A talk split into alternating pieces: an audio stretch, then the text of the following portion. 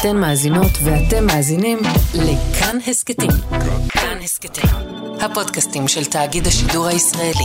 מה אכפת לך, ש... אני, אני רוצה רגע לשאול אותך, מה. אכפת לך שתהיה אגב, אישה נשים- פוליטיקאית בכנסת ישראל חרדית, אגב, שתייצג את נשים- הנשים החרדיות? נשים מנהלות עסקים, נשים עובדות בהייטק, נשים אה, הן ברמה בכירה. אגב, הנשים אצלנו הן משהו הכי מכובד שיכול להיות בעולם. זה לא... זה לא, אין, אין החפצה אצלנו, חלילה.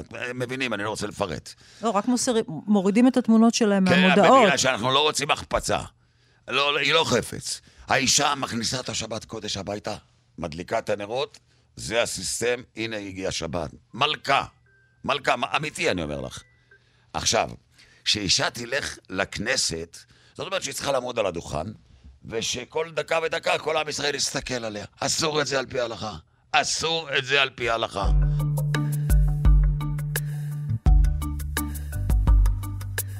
שלום לכם, אנחנו שוב בהצפת, בפודקאסט שלנו בזמן הזה, שבו אנחנו מארחים דמויות ידועות מהציבוריות הישראלית, ובוחנים איתן סוגיות אקטואליות בישראל כאן ועכשיו, אבל לאורם של המקורות.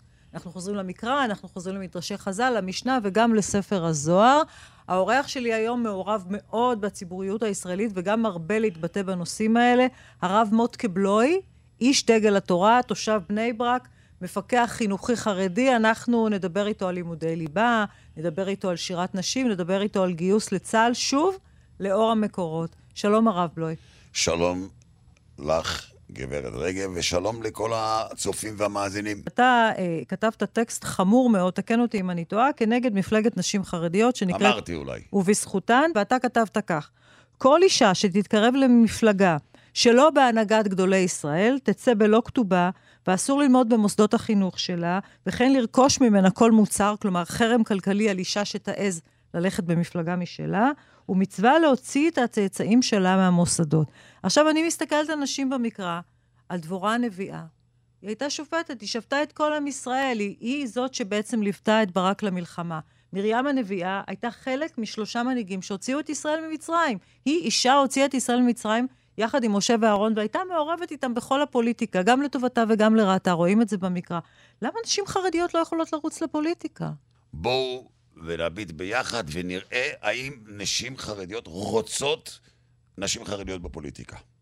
הקבוצה הזאת, שהן אושיות רשת, כן? זה לא בדיוק חר, חרדי, חרדי קלאסי, כן? לא מיינסטרים. הלכו לבחירות ברשות, לעיריית אלעד, לא הצליחו להכניס נציגה אחת. כן, אבל אתה איימת על נשים שאסור רגע, להצביע תן לי, עליהן. אני לא, אני לא... א', על, על זה נחקרתי במשטרה, רק לידיעתכם. המשטרה הייתה זריזה מאוד להזמין אותי לחקירות, אבל- כי אני מאיים. רק שנייה. אחרי זה הם הלכו לבחירות לכנסת. כמה קולות הם הביאו, את יודעת? אני לא חושבת שאתה יכול למדוד את זה. רגע, 1,800 קול מול, מול חצי מיליון חרדים שמצביעים, אז הציבור צריך את זה או לא צריך את זה? אבל השאלה אם הציבור בוחר באמת, או שהציבור, סליחה, סליחה על הביטוי, אבל מאוים על ידי לא, הרב. הציבור לא בוחר. אבל אתה אמרת פה, אסור ללמוד, יוציאו את הצאצאים שלה כן, מהמוסדות, לא ירכשו. והציבור החרדי מכיר את האמירה הזו שלך. אמרתי את התחושה של האתוס החרדי, של הקוד החרדי. חוץ מזה, גדולי ישראל כבר לא מהיום, דנו בזה כבר בדורות קודמים, האם לשלוח נשים למשרות ציבוריות. והגיעו למסקנה שזה לא מתאים לנשים. ושאף אחד לא יגיד לי שנשים וגברים הם אותו הדבר. יש לנו ספר של אה, אה, מיסטר גריי, שכתב נשים מנוגה, גברים ממאדים, עם כל הכבוד שמנסים היום לבלבל ולערבב. נשים, יש בהן יותר בינה מגברים, כתוב את זה גם בגמרא. אישה יש לה יותר בינה.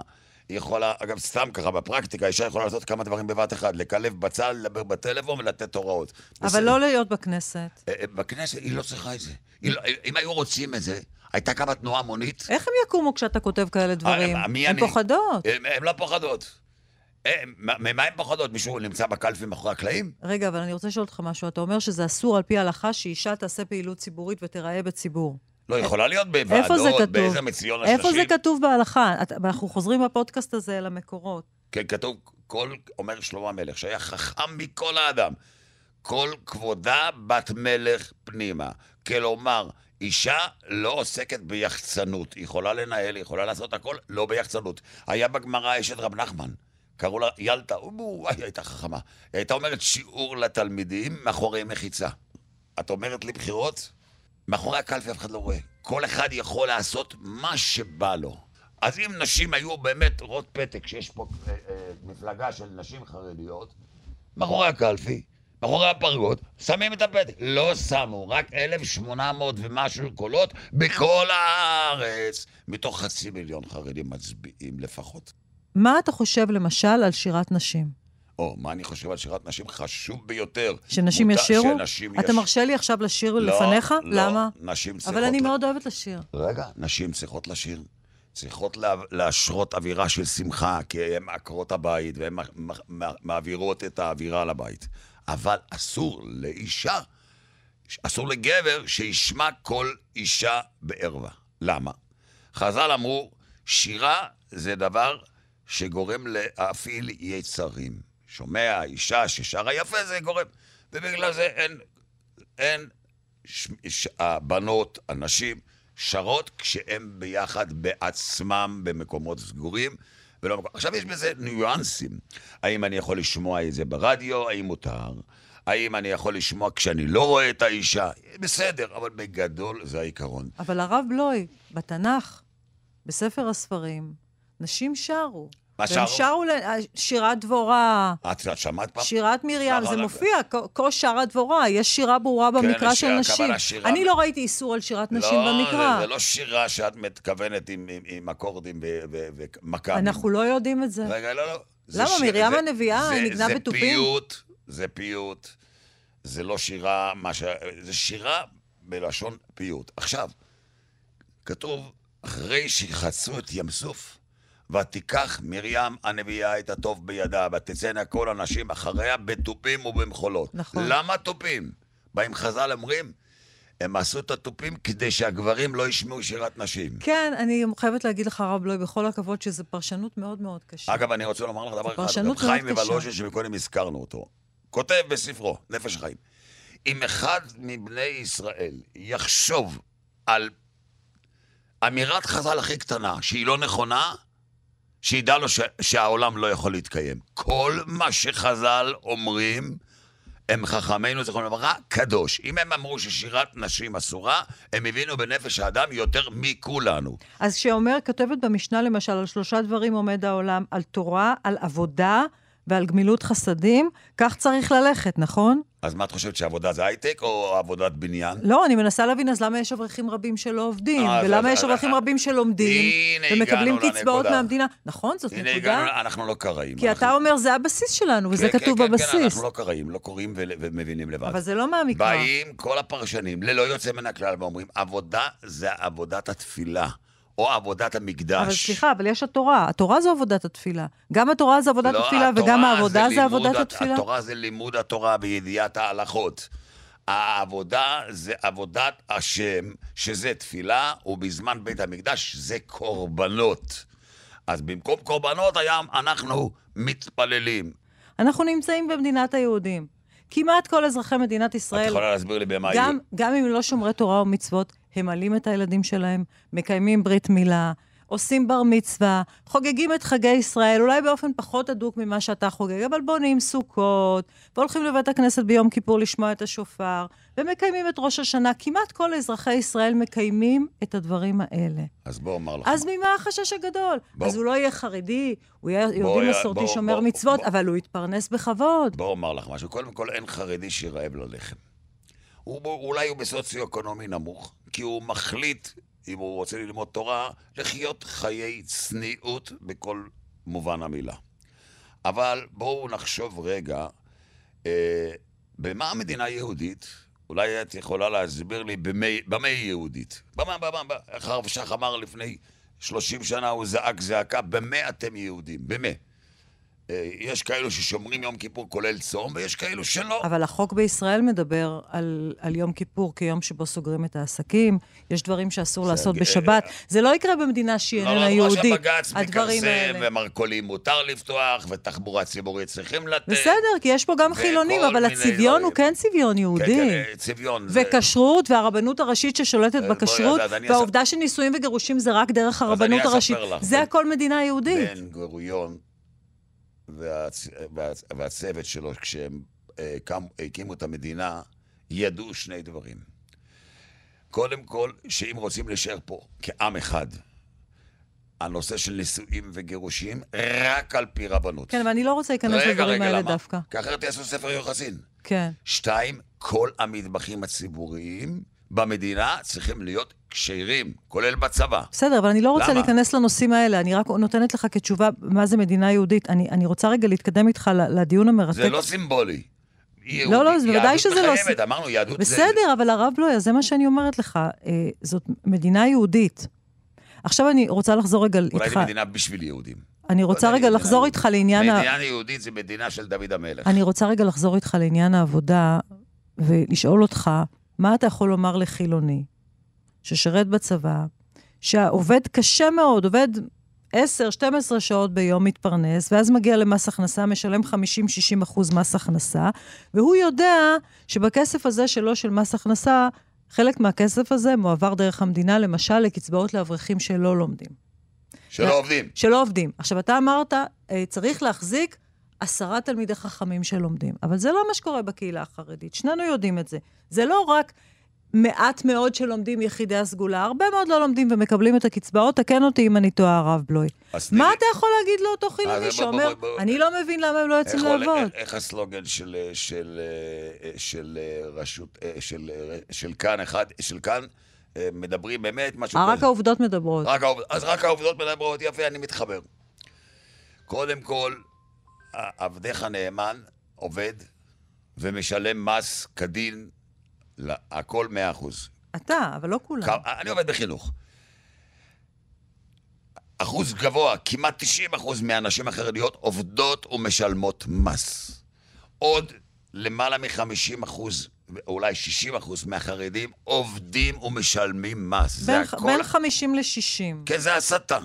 עכשיו, ישנה קבוצה, שזה הקומנדו שלנו, שמשאירים אותם ללמוד עוד כמה שנים אחרי חתונה, ומי שמצליח נשאר הרבה שנים ללמוד תורה ולהקדיש את עצמו לתורה. והבין את זה בן גוריון אז, ואז יתחילו להגיד לי, אבל אז היה רק 1,600 בחורי ישיבה." 400. אה, לא, לא, היה 1,600. תודה. אז גם היו רק 600 אלף אנשים אה, יהודים בארץ ישראל, והיום אנחנו כמעט 8 מיליון. כן, אבל יושב החילוני הזה ואומר, אני לא מבין, למה הם לא יכולים אז לעבוד? קודם כל... באירופה יש חרדים שלומדים ועובדים, בארצות כמו- הברית יש קהילות כמו של חרדים שלומדים כמו ועובדים. שאני אמרתי אתמול להוא מה- מה- מהעמותה אה, לאיכות השלטון, מי- מי- מי מינה אותך לייצג את כל החילונים? מי מינה אתכם לייצג את החילונים? לא, אני שואלת רגע, שאלה. אני מכיר חילונים מסורתיים, אמוניים, למרות שהם לא שומרים מצוות, הם מאוד מאוד מעריכים את לימוד התורה. אבל יש, אני לא אומרת, גם אני מעריכה את לימוד התורה. זה אבל, ערך. אבל הרבה, אבל אתה יכול להבין, הרבה מאוד חילונים שאומרים, אנחנו לא מבין, לא מבינים למה האברכים לא יכולים גם ללמוד וגם לעבוד. למה אנחנו, הרי, למה אני מדברת איתך על זה היום? כי זה חלק מסלע המחלוקת היום של לא, מה זה לא סלע שקורה. המחלוקת, זה של שסע חלק בחברה. מההסתה, זה מאוד משמעותי, בגלל אנשים זה- יוצאים להפגין בגלל זה- הדברים בגלל האלה. זה ועדת שרים לענייני חקיקה העבירה שלשום חוק שלפגוע בציבור חרדי זה גם גזענות. זה, זה גזענות? לבוא בטענות על כך שאתה משלם מיסים שעוברים לציבור החרדי, כי זה נקרא כי גזענות? זה, זה, זה, זה הפרחת שקרים. הציבור החרדי יוצר ומביא מיסים למדינה יותר מכל ציבור אחר, אין לנו מספיק הזמן. זה לא אני- נכון, לפי הנתונים שיש רגע, בידי, זה לא תני לי, נכון אני אתן. לך נתונים אחרי זה, תלכי לאמדרס- אמדורסקי ותשאלי אותו, בסדר? הציבור החרדי, קודם כל זה שעובד, ואמרתי לך שהם עובדים בסביבות ה-70 אחוז, מ- משלמים כל אחד לפי הדרגה שלו מס הכנסה. דבר שני, הציבור החרדי הוא צרכן, יש מיסים ישירים. אני קונה פחית קולה, אני משלם 17 אחוז. אבל זה גם אני משלמת, רגע, זה אני לא... קונה עוד משהו, אני משלם גם מס קנייה, מס בלו, מס זה, מה זה. אבל את כל המיסים האלה גם אני רגע, משלמת. כל חרדי מחתן שבעה ילדים בממוצע, הוא קונה שבע דירות, ובדירה 40 אחוזי מיסים, כל אחד מאיתנו יודע את זה. אחרי זה הוא קונה מקרר, מכונת כביסה, מייבש וכולו, עוד מס קנייה. אבל הרב לא, הרגע, מרבית כי הציבור המיסים... החרדי הם ברוכות ילדים, והם צרכנים גדולים של המדינה בכל קנה מידה. והכנסות המיסים שלהם מקניות ו- ו- וקניות תוצרת הארץ, בלי לעשות להם תעמולה, כי הם לא הולכים אחרי מותגים, מביא מקומות תעסוקה פה בארץ. כן, אבל בסופו של דבר חלקים גדולים מהציבור החילוני מממנים את הקניות האלה אגב, עבור הציבור החרדי, ועל יש- כך יש מחאה מאוד כל גדולה. ראש ישיבה וראש כולל נוסע פעם, פעמיים בשנה, לדפוק על פת- פתחי נדיבים יהודיים בעולם, ומביאים מיליוני דולרים לארץ שמשתמשים בהם פה. צורכים את הדולרים. אוקיי, הרב לא, אני הציבור רוצה... החרדי לא נוסע לנופשים בחוץ לארץ רק באחוזים קטנים. אני רוצה להתקדם איתך לנושא נוסף. אתה היית שולח את הילדים שלך ללמוד לימודי ליבה? אני בהחלט. שלחתי את הבנות שלי ללמוד לימודי ליבה בבית יעקב, ליב, ליב, ליבה מלא. והבנים? הבנים הלכו לחיידר. אז וברגע שהם נמצאים בחדר, לחדר יש מתכונת מדורי דורות, עוד מאז שבאנו מחוץ לארץ, אם זה החדר שלנו, או המדרש של, אה, של עדת אה, מרוקו או תימן, למדו תורה. כלומר, הילדים שלך, הבנים, לא לומדים לימודי ליבה. לא למדו לימודי ליבה. מי שרוצה, אחר כך, אה, כשהוא, איך אומרים, מילה קרייסו ב- בש"ס? ופוסקים, אז הוא ניגש ועושה את הדברים בצ'יק צ'אק. החבר'ה שלנו שרוצים להתקדם לאקדמיה וכאלו, אה, עושים בגרות בחודשיים. אני לא, אני לא שמעתי בהכרח שזה צ'יק צ'אק, ואני שמעתי שבטכניון הרבה צעירים חרדים שמנסים להתקבל ומגיעים למכינות לא מצליחים בבחינות. אבל אני רוצה רגע לחזור איתך למקורות, ולנסות להבין בעצם למה הילדים שלך וילדים חרדים רבים לא לומדים לימודי ליבה. גדולי ישראל למדו לימודי ליבה. הרמב"ם למד לימודי ליבה, הוא למד פילוסופיה, הוא למד מדעים, למד רפואה. המהר"ל מפראג אמר שגם, שכל התורות כולם בעולם ניתנו מאלוהים. כלומר, גם לימודי הקודש וגם לימודי החול. אז למה אתה אוסר על הילדים שלך מה שהרמב"ם כן התיר לעשות? אתה הרי, אתה הרי מצטט את הרמב"ם, אתה סומך על הרמב"ם. אז קודם נתחיל כך. כתוב בחז"ל, חוכמה בגויים תאמין, תורה בגוי, בגויים אל תאמין. יש חוכמה, יש מדע, הכל. הרמב"ם לא למד בשום אוניברסיטה. הרמב"ם והגאון מווילנה והמהר"ל וכל גדולי הדורות למדו מה שידעו בידע של נושאים כלליים מתוך התורה. הרמב"ם גם היה רופא גדול מתוך התורה. אבל הוא למד פילוסופיה יוונית, את זה הוא לא למד מתוך אה, התורה. אז הוא למד מעצמו, מידע, כי הוא היה צריך לנהל את הוויכוחים מול ה- ה- החבר'ה שהיו אז, כן? הסביבה המוסלמית שהוא חי בתוכה. או, או, או היוונים, שאריסטו ואחרים, שניהלו ויכוחים, הרמב"ם כתב גם ספרי הלכה, שזה אחד משלושת היסודות של עם ישראל בהלכה, משנה תורה לרמב"ם, אבל הרמב"ם גם אה, אה, אה, חיבר ספרי אה, מחשבה אה, בסגנון מאוד עמוק, אבל לא שהוא הלך בילדותו, אגב, נולד במרוקו, אחרי זה ברח למצרים, כי לא כולם אחזו, בדיוק לא הבינו אותו, אבל הוא לא למד בזמן צעירותו וילדותו אה, אה, לימודים כלליים. הוא למד תורה ורק תורה. כנ"ל אה, אה, הגאון מווילנה, כנ"ל המהר"ל, ועוד מגדולי התורה מה, שלהם. יש לך מקורות שאומרים שהם בעצם למדו את כל הלימודים הכלליים רק כשהם הגיעו לגיל בגרות? ב- רק כשהם הגיעו לגיל 18? אה, יש לי מקורות שהם, למ- שהם לא למדו, ויש לי מקורות שהם למדו את הכל מהתורה. הרמב"ם ידע מתמטיקה, הרמב"ם ידע מוזיקה, הרמב"ם ידע הרבה דברים. כנ"ל הגאון מווילנה. אבל הוא, אה, יש לו ספר, חוט המשולש נדמה לי נקרא, של הגאון מווילנה, שיש שם נוסחאות מתמטיות אה, ממש מרתקות ביותר. אתם יודעים מה? אנחנו בירושלים, אני אספר לך, היה לי סבא רבא רבא, שקראו לו רבי יעקב אורנשטיין, הוא היה תלמיד של המהריל דיסקין פה בירושלים העתיקה ברובע היהודי. אה, נותרו קצת כתבים שלו על ההלכה ותורה, ויש שם באחד המקומות שאלה איך מודדים חצי כדור בשביל לדעת שני צבעים, עשו משהו, משהו הנחתי. יש שם תרגילים במספר שאנחנו יכולים, הספרה האחרונה בתרגיל היא בת אה, אה, 18 ספרות. אז אתה אומר זה מספיק. הוא לא למד את זה בשום מקום. מצד שני, הוא ידע גם להרכיב מכונות הכי משוכללות, כי ברגע שלומדים תורה, גמרא, בוא תביני, כל ילד קטן אצלנו, אני כבר לא מדבר על קריאה שמלמדים אצלנו מגיל שלוש ובמקומות אחרים הרבה יותר מאוחר, בסגנון של אה, צליל ומנגינה של חיידר, והילדים לומדים לקרוא. יש בהמשך, מגיע המשנה, אחרי זה גמרא. כשהוא לומד גמרא, יש לפניו את, את המשנה, ופתאום מתחילים האמוראים. המשנה זה התנאים, והם מתחיל מחלוקת. דעה ראשונה, דעה שנייה, אב אמינא, מסקנה, שיטת רש"י שיוצא מתוך הדברים, שיטת לא- תוספות.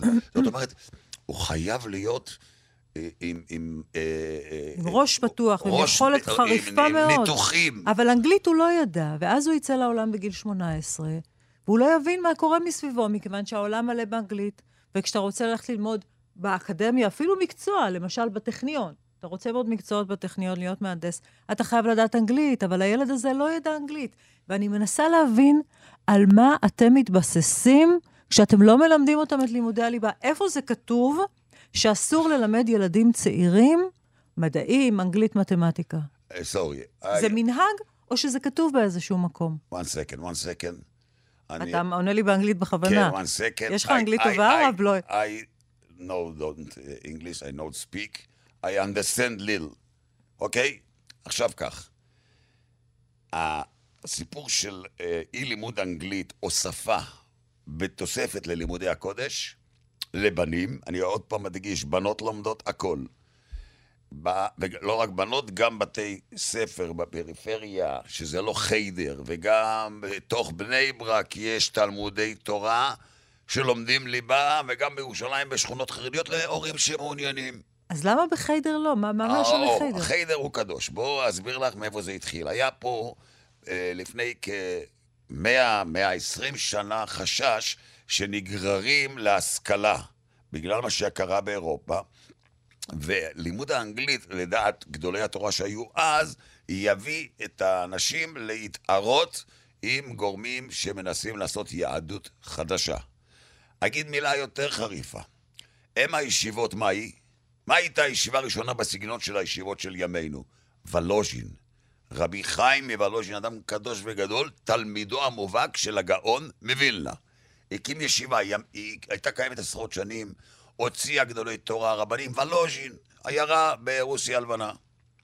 יום אחד הגיעה דרישה מהשלטון הרוסי, מהצאר, שחובה ללמוד שעה בשבוע רוסית. מה עשו? ידעו שבלי זה אין רישיון, אני לא יודע בדיוק, היה שם לא קל. לקחו איזה דירה, לא בתוך היכל הישיבה, ולא בבניין הישיבה, ושם היה מגיע מורה שהיה מלמד. מי שרוצה, הולך לשם.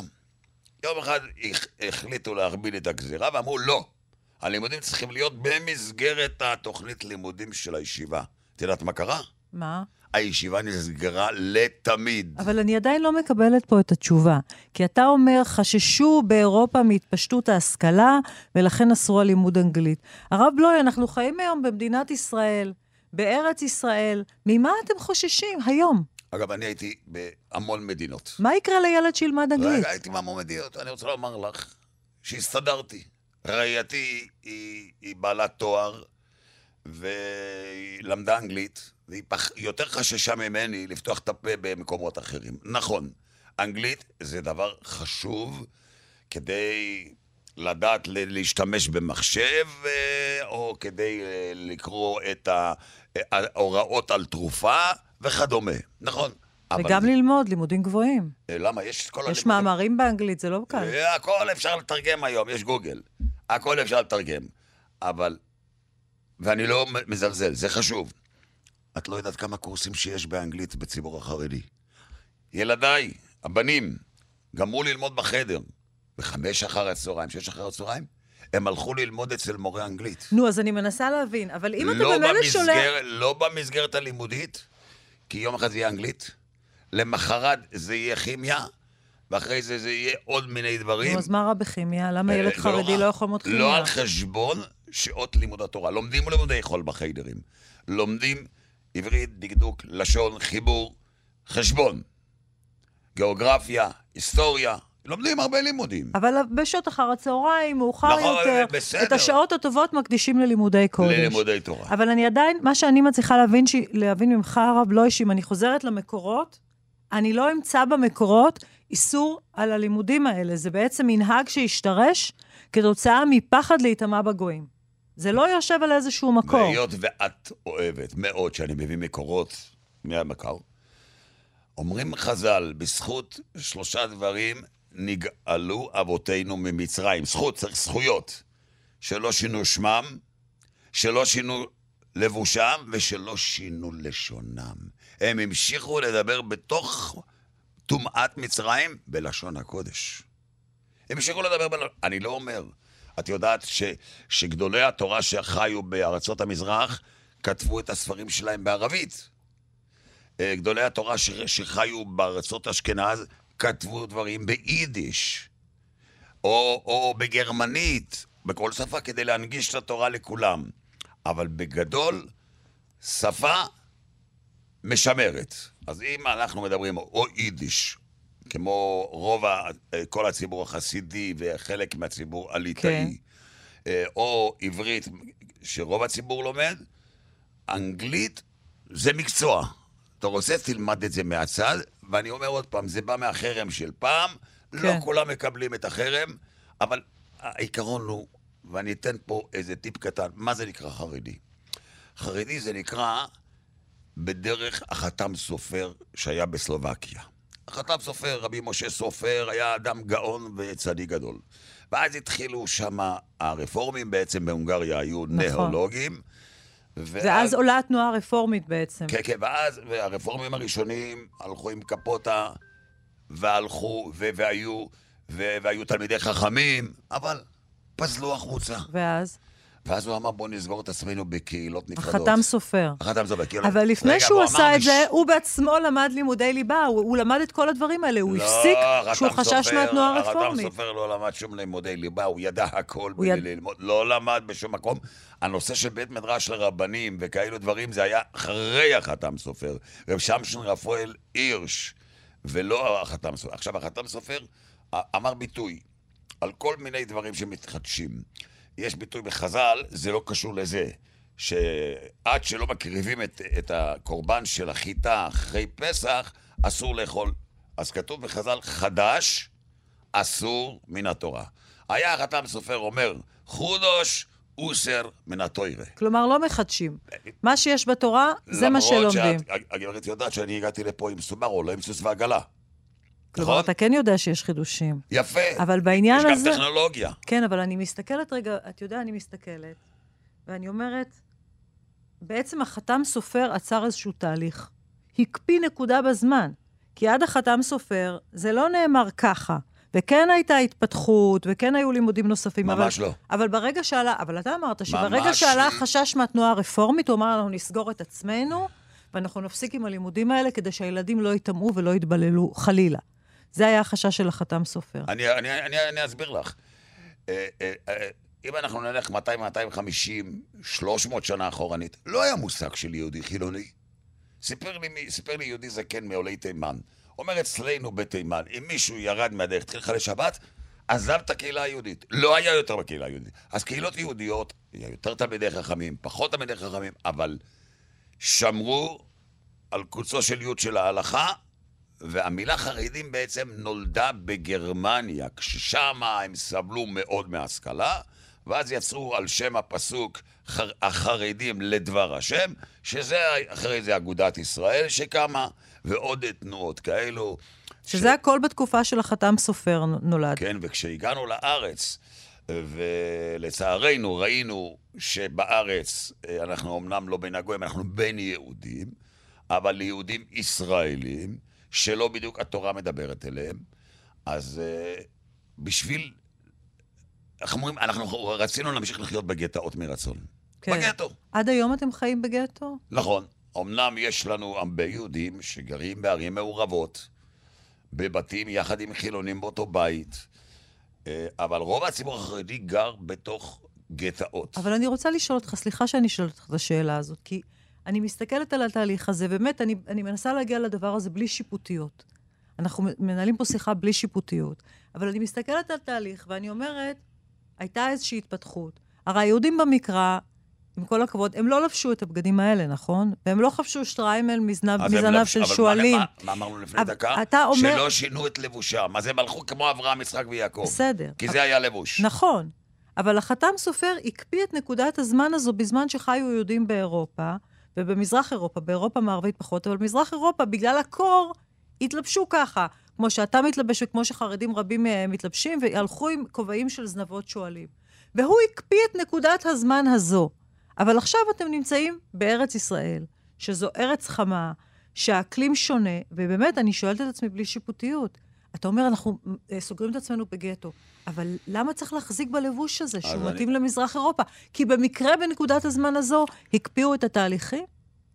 אני אתן לך על זה אה, אה, אה, דימוי. חם בקיץ, נורא. מאוד. ואתה סובל בטח עם הבגדים לא, החמים אני, האלה. אגב, אני לא סובל, בגיהנום יותר גרוע. כשאני רואה מישהו שהולכת ברחוב ללא בגדים, אני מרחם עליה. טוב, בואי. יש באמצע, הרב. יש זה, בוא. יש אה, את מלכת אנגליה, עכשיו זה מלך, ויש שמה שומרים שעומדים דום. ולפני יומיים כמה מהם התעלפו מחום. למה? כי מה הם הולכים? כובע פרווה ולבוש מלא. וד... למה? כי זה הסדר מאז אלף שנה שהמלכות הזאת קיימת. אנחנו רוצים גם להמשיך. החרדי זה שחור לבן, בלבוש חיצוני. אבל זה לא קשור אה, עכשיו, למקרא, זה לא קשור למקור, זה קשור למקריות לא שהם הלכה. חיו במזרח אירופה והיה שם אני- נורא אני- קר. אני חובש שטריימל בשבת. כן, כי זה כבר הפך להיות מנהג. כן, אבל... אבל זה לא כתוב בשום מקום. ולמה, את יודעת מאיפה הגיע המקור של השטריימל? למה אתה לא מתלבש כמו אברהם אבינו? למה אתה מתלבש כן, ככה? יש כאלו שרוצים לחזור לזה. את יודעת מה היה, אה, אה, מדוע התחילו ללבוש שטריימל? ספר. כי היה פעם שליט שרצה לפגוע ביהודים, הוא אמר, כל יהודי חייב ללכת על הראש זנב של שועל, לבזות אותו. מה היהודים הלכו? היהודים תמיד היו חכמים. הלכו ועשו מזה בגד שבת יפה. הוסיפו עוד זנבות, ולאט לאט, היום זה כבר, יש, יש היום אה, גרסאות חדשות, מודות עם שפיצים. בגד יפה לשבת. הקהילה החרדית היא קהילה שהיא גדלה, ברוך השם, נכון? זו קהילה ש... שגדלה ומתרבה כל הזמן. ויש- למרות, המדינה. ויש, ויש זעם גדול בקרב חילונים שאומרים, אני אומרת, את זה, חילונים. אני אומרת את זה באופן מאוד ישיר, בסדר? כן, אבל אתה- תלוי איזה אתה חילונים. מכיר את הטענות האלה. המסורתיים לא אומרים למה את אנחנו זה. צריכים להמשיך לממן אותם? למה אנחנו צריכים להמשיך לממן מממן אותם? את מי אני אגיד לך? אני אומרת את זה בצורה הכי בוטה, סליחה, רק לצורך השיחה. ואני שואלת אותך, אם לא היו פה חילונים, מי יממן בסופו של דבר את הקהילה אני- החרדית? אני אני אענה ראשון ראשון על האחרון אחרון. על ראשון ראשון, אם יהיה פה מדינה שמתנהלת רק על פי תורה, לא יהיה אויבים. ככה אני מאמין. לא יהיה אויבים, הכלכלה תפרח בגלל הזכויות הגדולות, ויהיו אנשים שיעבדו, ויהיו אנשים שישלמו מס למלך, כמו שהיה תמיד, ויהיו גם צבא. אבל בצבא יהיו יתנהלו ויתנהגו בצדיקות מופלגת. אנחנו בעד שיהיו, שצריך שיהיה צבא, צריך שיהיה משטרה, צריך שיהיה חוק וסדר, אנחנו בעד. איל, כתוב, אה, אילולי מוראה, איש את רעהו חיים בלעו. אנחנו, אם לא היה פה משטרה, כן, לא משנה שהיא לא הכי מוצלחת, אז לא היה פה פשע ברחובות. דבר ראשון. כלומר, אתה בעצם אומר, אם הייתה פה מדינת תורה וכולם היו שומרי תורה ומצוות כמו החרדים, לא היה חיזבאללה, לא היה חמאס, לא היו אותי. פעולות טרור והיה שלום בכל הגבולות. אה, כן, זה, אני אתה מאמין- בטוח אני, בזה. אני מאמין בחלק אתה המיסטי. בטוח בזה. אני רק רוצה לומר משהו. הרבה פעמים שואלים אותי, מה יהיה אם אתם תהיו הרוב במדינה? אריה דרעי יהיה ראש הממשלה? איך תתנהלו פה? לא, גם, גם, וגם מי יממן? אם החילונים לא יהיו פה לשלם 50-60 אחוז מס אז- הכנסה, אז, אז אם, אם לא יהיו פה חילונים, אז לא יצטרכו לממן מיליארדים לתרבות, להבימה, לספורט, למיליון דברים שאני כחרדי לא נהנה מהם. ועכשיו אני גם אגיד לך לגבי התשלום. משלמי, המדינה משתתפת באברך ב-1,270 שקל, עד עכשיו היה 800 שקל. בחור, 500 שקל. סטודנט שלומד סינית עתיקה, או על, על, על, על אה, משורר יווני, מקבל מהמדינה אלפי שקלים לחודש מימון של דרך המל"ג.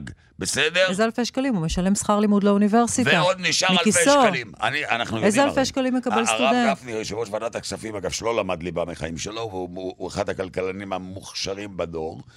תשאלי אותו, הוא יראה לך בסעיפים במשרד החינוך, למל"ג, כמה תקציבים עובדים. אז למה אני רואה כל הזמן סטודנטים עובדים במלצרות, בבתי קפה, כדי לפרנס את עצמם, אה, אם אה, המדינה נותנת להם כל כך גם הרבה אנחנו כסף? משלמים שכר לימוד. כל בן שלי שלומד בישיבה, אני משלם עליו הרבה שכר לימוד.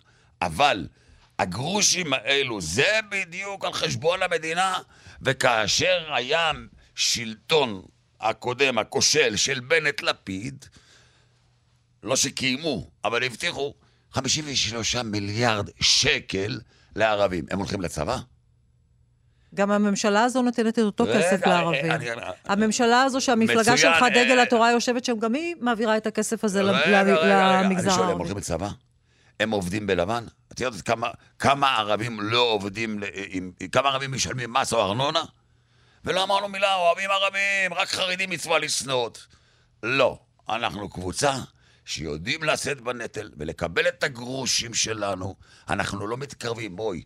במוסדות החינוך, אם חזרנו לליבה, ממוסדות הפטור, שזה נקרא פטור מליבה, שלומדים רק תורה בלי ליבה, מגיעים ל-55% מכל תלמיד אחר שמקבל. בסדר. אבל לא אתה מדבר יודע על לה- חוגים ועוד דברים. מכיוון שאלה ילדים אלה שבבוא שלומדים היום... ליבה מקבלים 85%.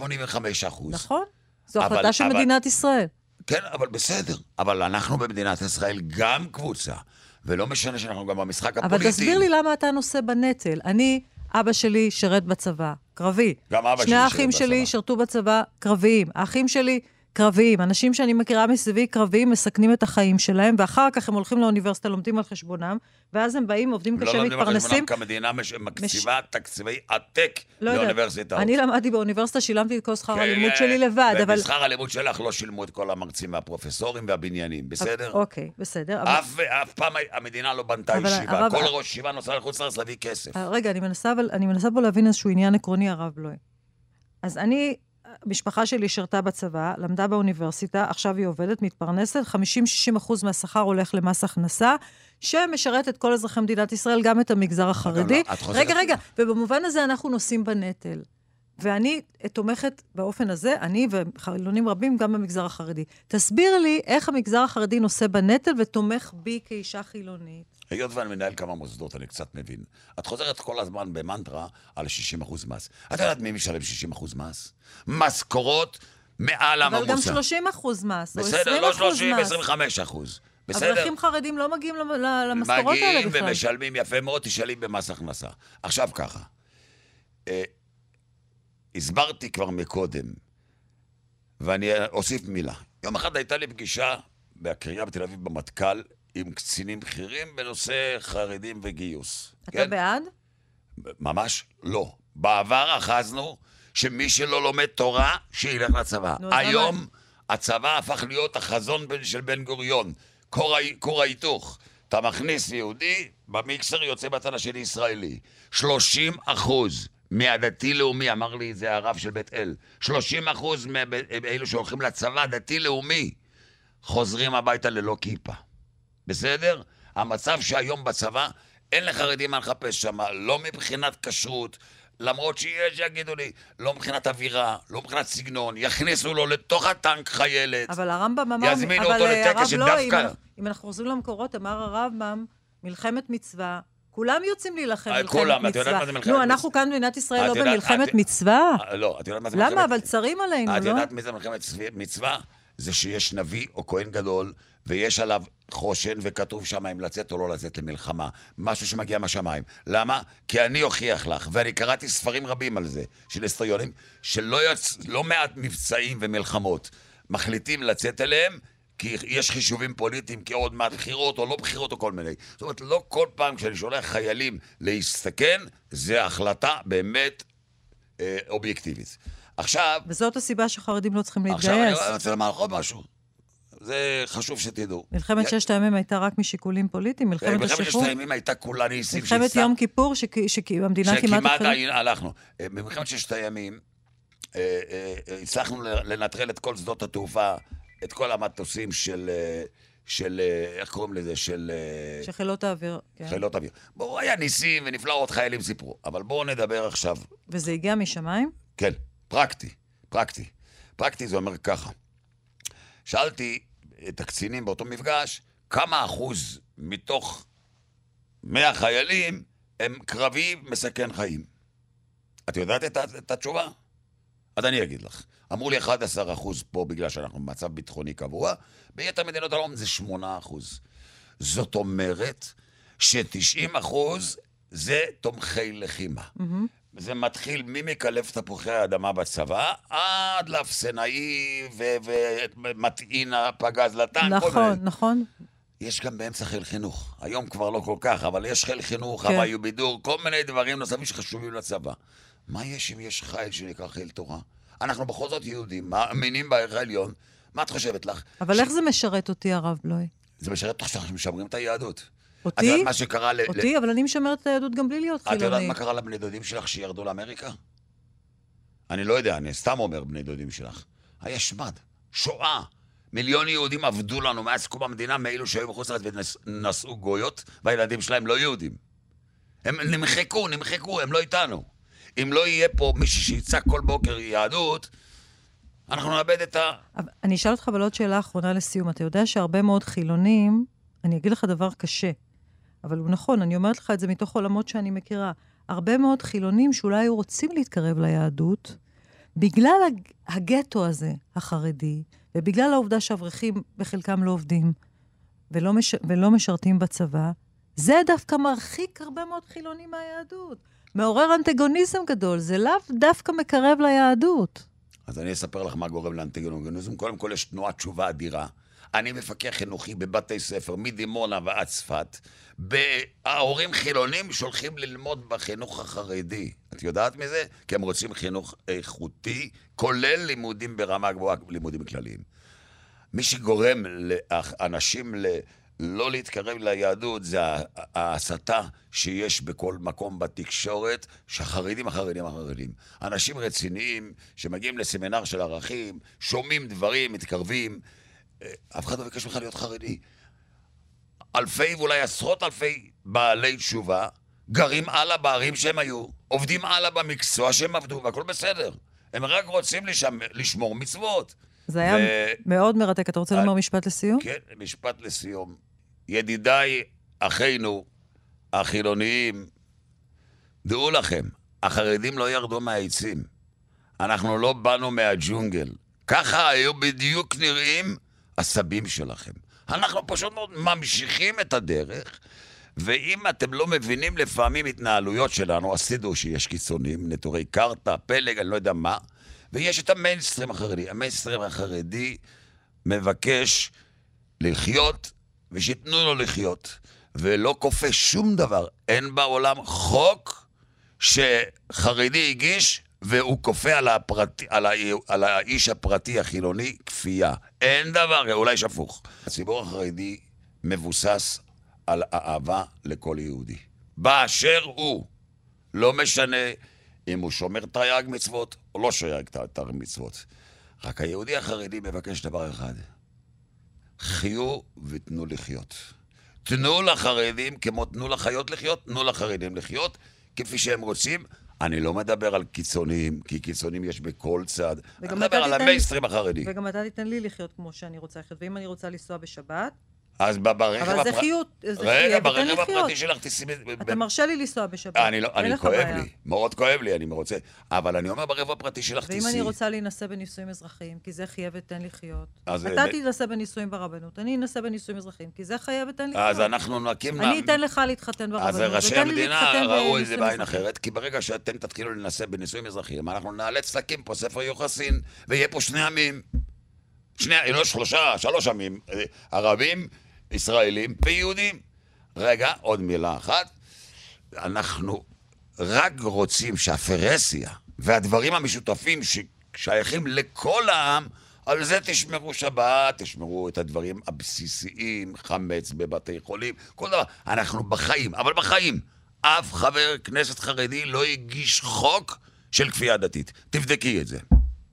אני מאוד מודה לך, הרב מוטקה בלוי, תודה רבה לך. תודה רבה, היה גם כן מעניין מצדכם, באמת אה, שמענו פה ודיברנו על, על נושאים גבוהים, השתדלנו לפשט את זה למקש, למאזינים.